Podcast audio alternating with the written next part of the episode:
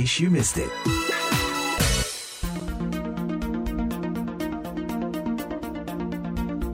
Pendengar Anda tengah mengikuti acara In Case You Missed It VOA Voice America Washington DC bersama saya Leona Triyono. Acara ini bisa disimak melalui streaming di website kami di www.voaindonesia.com dan siaran radio-radio afiliasi VOA di seluruh Indonesia.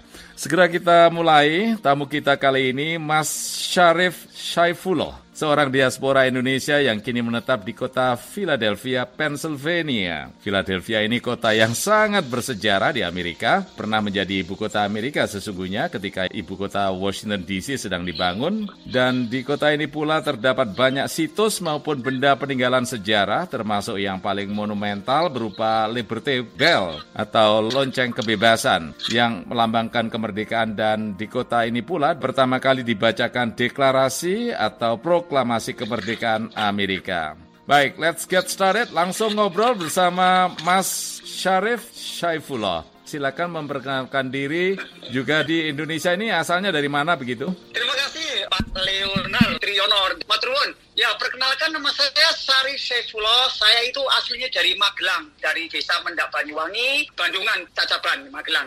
Dan saya besarnya itu di Depok, Jawa Barat. Dan setelah besar dan perantau di Amerika sampai sekarang gitu Pak. Jadi mempunyai anak tiga dan mempunyai istri satu, namanya Umu Hani Wahid gitu Pak. Baik Mas, terima kasih. Kemudian sejak kapan menetap di Philadelphia dan kenapa kok Philadelphia ini tempat yang dingin ya kalau musim dingin? Dingin, kenapa tidak yang hangat gitu seperti di Indonesia? Betul betul. Jadi gini, saya itu merantau tuh sejak 2001, ya berarti kurang lebih hampir 19 tahun ya. Terus hmm. langsung pertama sih nggak di Philadelphia, itu Los Angeles, lalu pindah ke Philadelphia. Nah Philadelphia tuh muter-muter, saya muter-muter ke berbagai state ya, di New York, terus di Albany, di Albany cukup lama, sekitar tiga tahun. Terus di Philadelphia juga cukup lama juga kerja di pabrikan. Terus akhirnya lari uh, jadi kerja restoran. Dan setelah itu kembali lagi lagi ke Philadelphia dan sampai saat ini. Dan kalau dibilang kenapa saya harus ke Philadelphia, nah itu ceritanya itu panjang. Jadi di Philadelphia ini kan banyak orang Indonesia. Yeah. Dan di sini kan banyak markasnya orang-orang Jawa, orang-orang dari berbagai daerah kumpul di sini. Jadi makanan tuh banyak. Kita mau makan apa aja, di restoran apa aja, itu gampang banget. Dan kalau kita mau ke mana-mana tuh mudah banget. Kota Philadelphia itu kota kecil, tapi sangat kompleks ya. Dari berbagai negara, imigran-imigran tuh tumpuk di sini, Pak. Jadi gerakan saya itu lebih enak di sini. Satu juga, ya termasuk sini waktu itu kan sewa rumah kan termasuk murah ya. Jadi faktornya itu aja. Kenapa pindah ya? Karena saya nyaman di Philadelphia sampai saat ini. Kalau dingin ya memang udah sebuah resiko ya. Jadi berdingin-dingin ria seperti sekarang lagi musim dingin kan. ya gitu Pak sejak di Los Angeles sampai di New York sampai di beberapa tempat akhirnya singgah dan menetap di Philadelphia. Dan di situ tadi dikatakan banyak kenyamanan ya. Banyak orang Indonesia Betul. banyak makanan Indonesia. Betul sekali gitu loh. Selain itu mungkin ada perasaan lain mungkin tinggal di kota yang begitu bersejarah begitu mungkin? Ya di sini nih kota bersejarah terus terang ya. Ini kan seperti kalau di Indonesia tuh kayak Yogyakarta ya. Jadi kota yang pertama deklarasinya waktu kemerdekaan kan di sini Pak Ya. Jadi kotanya hampir ada 350 tahun yang lalu itu bangun-bangun kan masih utuh ya.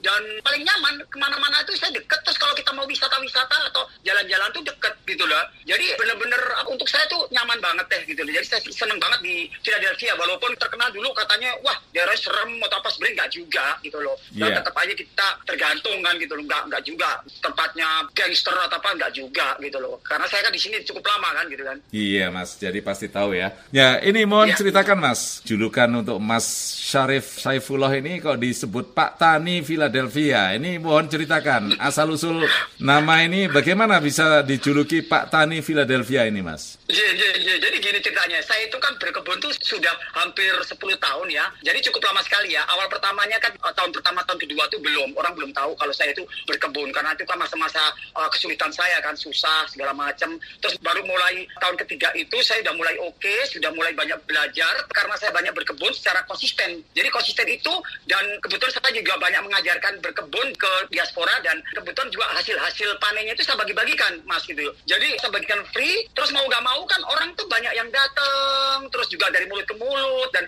kalau nyebut orang berkebun di Indonesia tuh kan pak tani petani kan.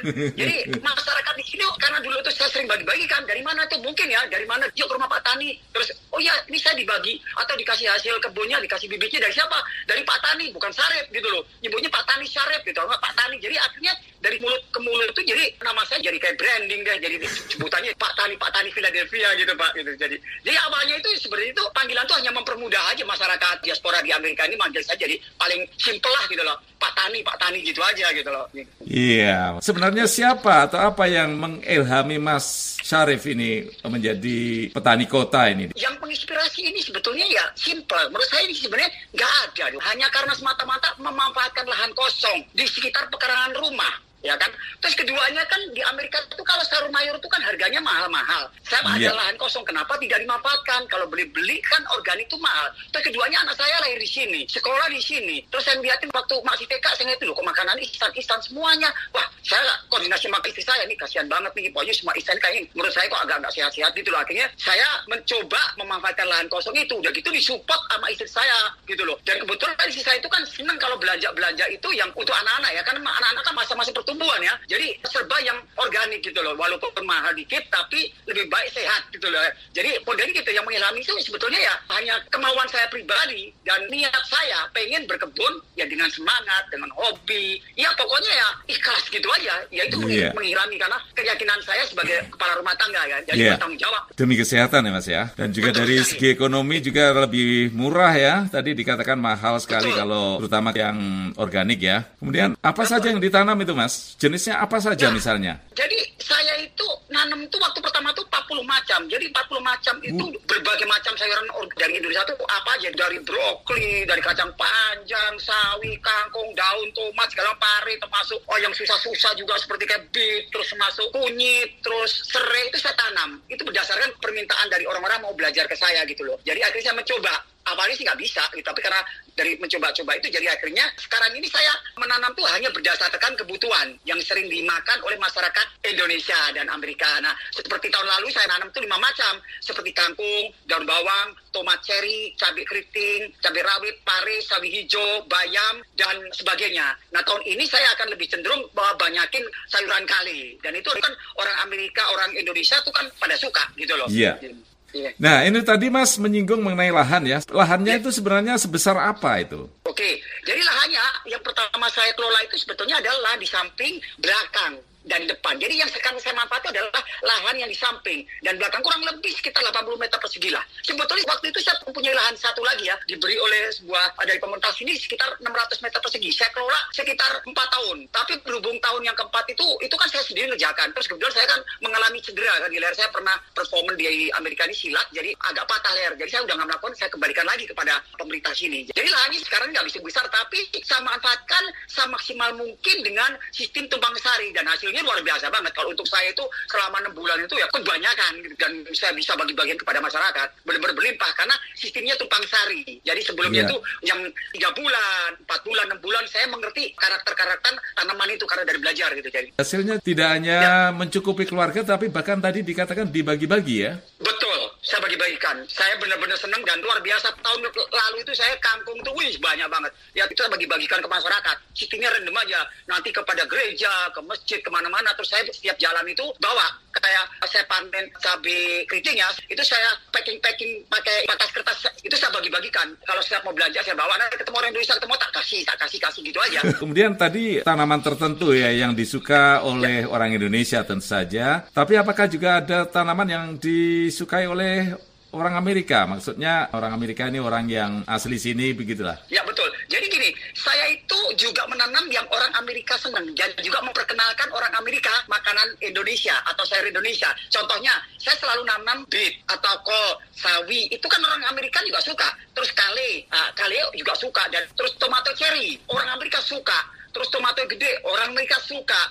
Jadi berbagai macam makanan itu saya perkenalkan termasuk kacang panjang. Itu juga saya kenalkan. Buncis juga saya nanam juga gitu. Jadi kelihatannya itu orang Amerika rata-rata seneng lah sama tanaman yang saya tanam itu pak wah jadi memperkenalkan makanan Indonesia juga ini ya mas ya? Ya betul, betul. seperti ini pak ada suatu contoh gini memperkenalkan gado-gado. Di Amerika itu kan rata-rata kan orang makanya salad mulu. Salad ke mana-mana salad. Nah Indonesia itu kan ada gado-gado. Nah kalau orang-orang kunjungan seperti kayak ada anak mahasiswa mahasiswi dari universitas pada berkunjung ke sini itu tak buatin. Tak buatin gado-gado terus tak begitu ada pecelnya segala macam. Di, di sistem di sini di kangkung pare dan bayam kale itu rata-rata senang. Ternyata pada suka gitu karena tak kenal maka tak sayang gitu loh. Jadi saya sembari sembari ini memperkenalkan juga kan gitu. Dan ternyata juga diterima ya. Ya, ya. diterima. Sangat positif banget. Bisa cerita sedikit tadi kok dikatakan ada mahasiswa-mahasiswa datang itu maksudnya berkunjung ke rumah Mas dan ya. apa tujuannya begitu? Ya jadi kalau summer itu kan kebun saya itu kan jadi kayak model kayak workshop ya. Jadi teman-teman itu pada belajar sembari mencicipi atau sembari saya kasih hasilnya.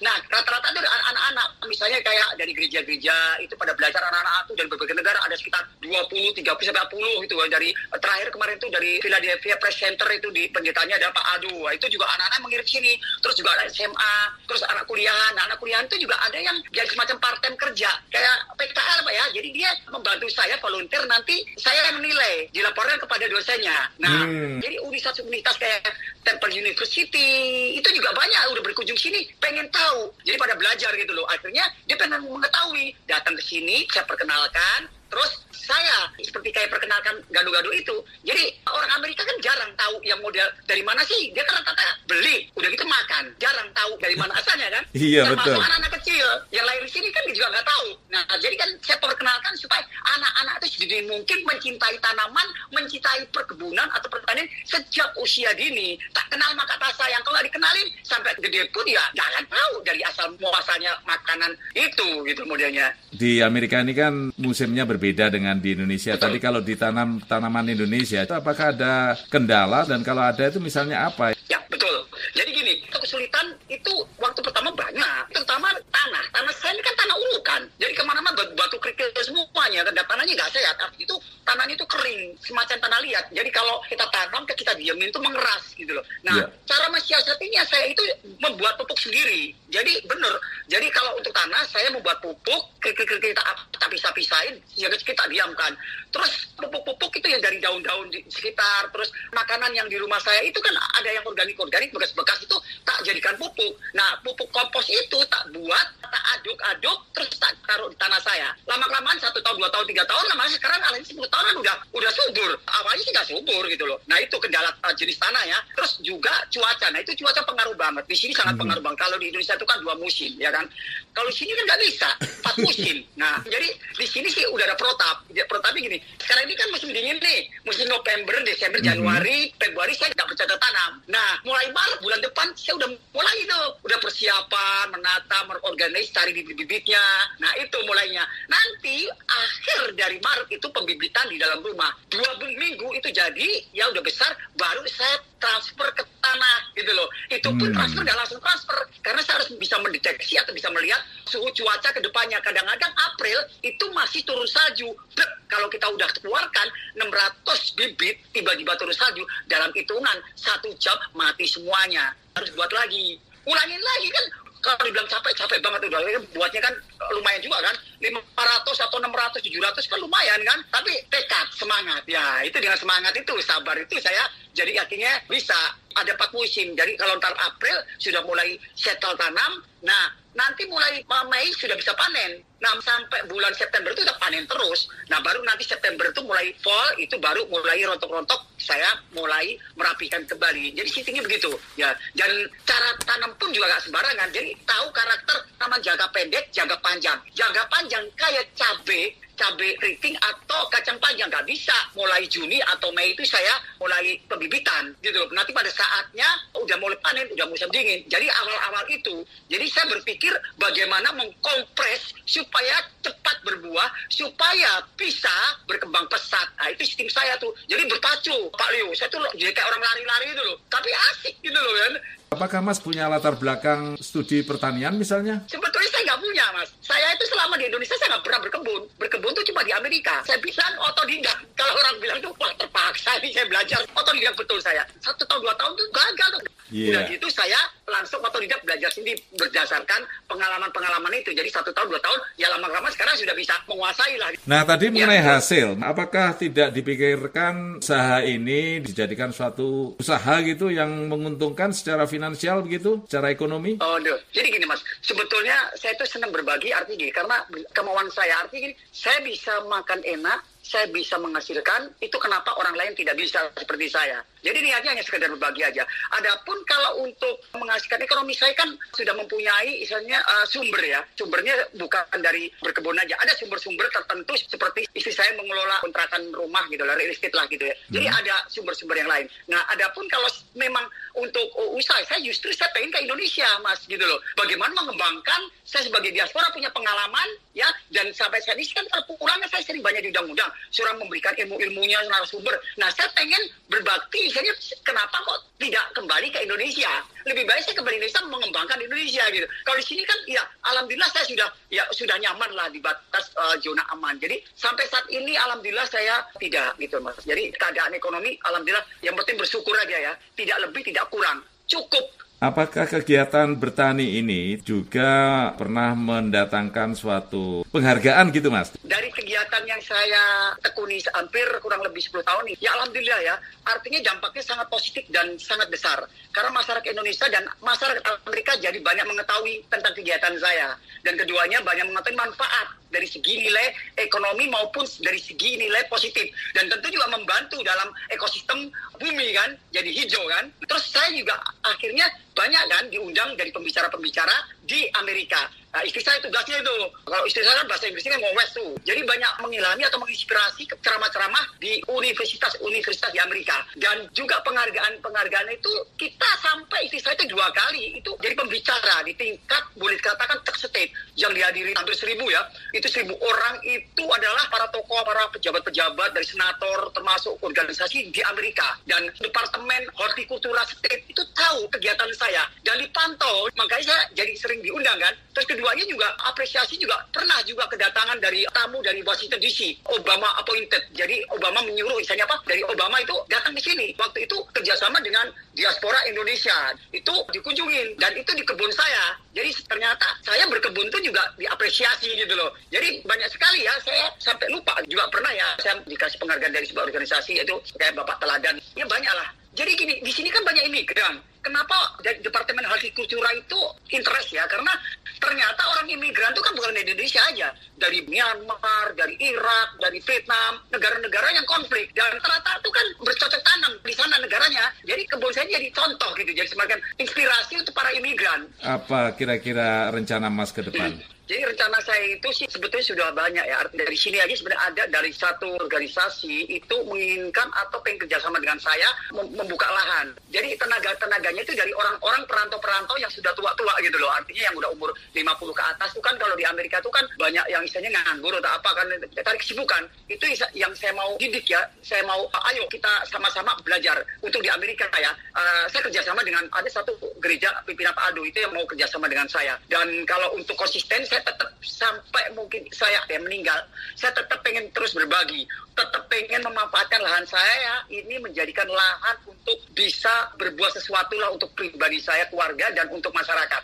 Dan ke depannya untuk di Indonesia mau gak mau kan saya kan juga retired kan perlu pensiunan. Saya pengen pensiunan di Indonesia dan saya pengen seperti saya katakan pengen berbuat sesuatu kepada bangsa dan negara. Entah nanti saya mempunyai tanah atau entah kerjasama dengan pemerintah itu untuk mengalokasikan tenaga saya pikiran saya untuk di perkebunan di Indonesia. Karena di Indonesia itu sangat potensial sekali dengan gerakan-gerakan urban farming ap apalagi sekarang ini pandemik kan komunitas-komunitas Indonesia sudah banyak dan sudah maju. Ada komunitas seribu kebun ada komunitas KWT dan ada komunitas haji curat, dunia horti, tubaba, banyak banget dan itu sangat potensial sekali untuk bisa dikembangkan untuk masa depan karena berkebun itu tidak akan berhenti selamanya yeah. tetap akan terus. Sebelum saya tutup ada saran untuk pendengar kami begitu? Saran saya sebuah usaha itu butuh pengorbanan. Pengorbanan itu yang penting tetap harus kita melakukan dengan ikhlas, sabar, semangat, fokus, dimulai dari hati, jika gagal diulangi lagi. Nah dari kegagalan itu kita akan tahu, kita akan belajar. Jadi kita lakukan, kita lakukan terus, terus, terus dan menyelangi sebuah pekerjaan itu. Ya tentu fokus. Nanti kalau udah fokus pasti ada hasilnya. Mudah-mudahan bisa bermanfaat dan ayo pengorbanan itu tidak secara instan, tapi dari nol itu lebih nyaman dan lebih enak. Anda baru saja mengikuti acara In Case You Missed It VOA Voice America Washington DC bersama saya Leonard Triono dan tamu kita pagi ini Mas Syarif Syaifullah, diaspora Indonesia di Philadelphia yang juga dikenal Pak Tani Philadelphia. Terima kasih banyak sekali lagi Mas Syarif Syaifullah. Terima kasih, sami-sami,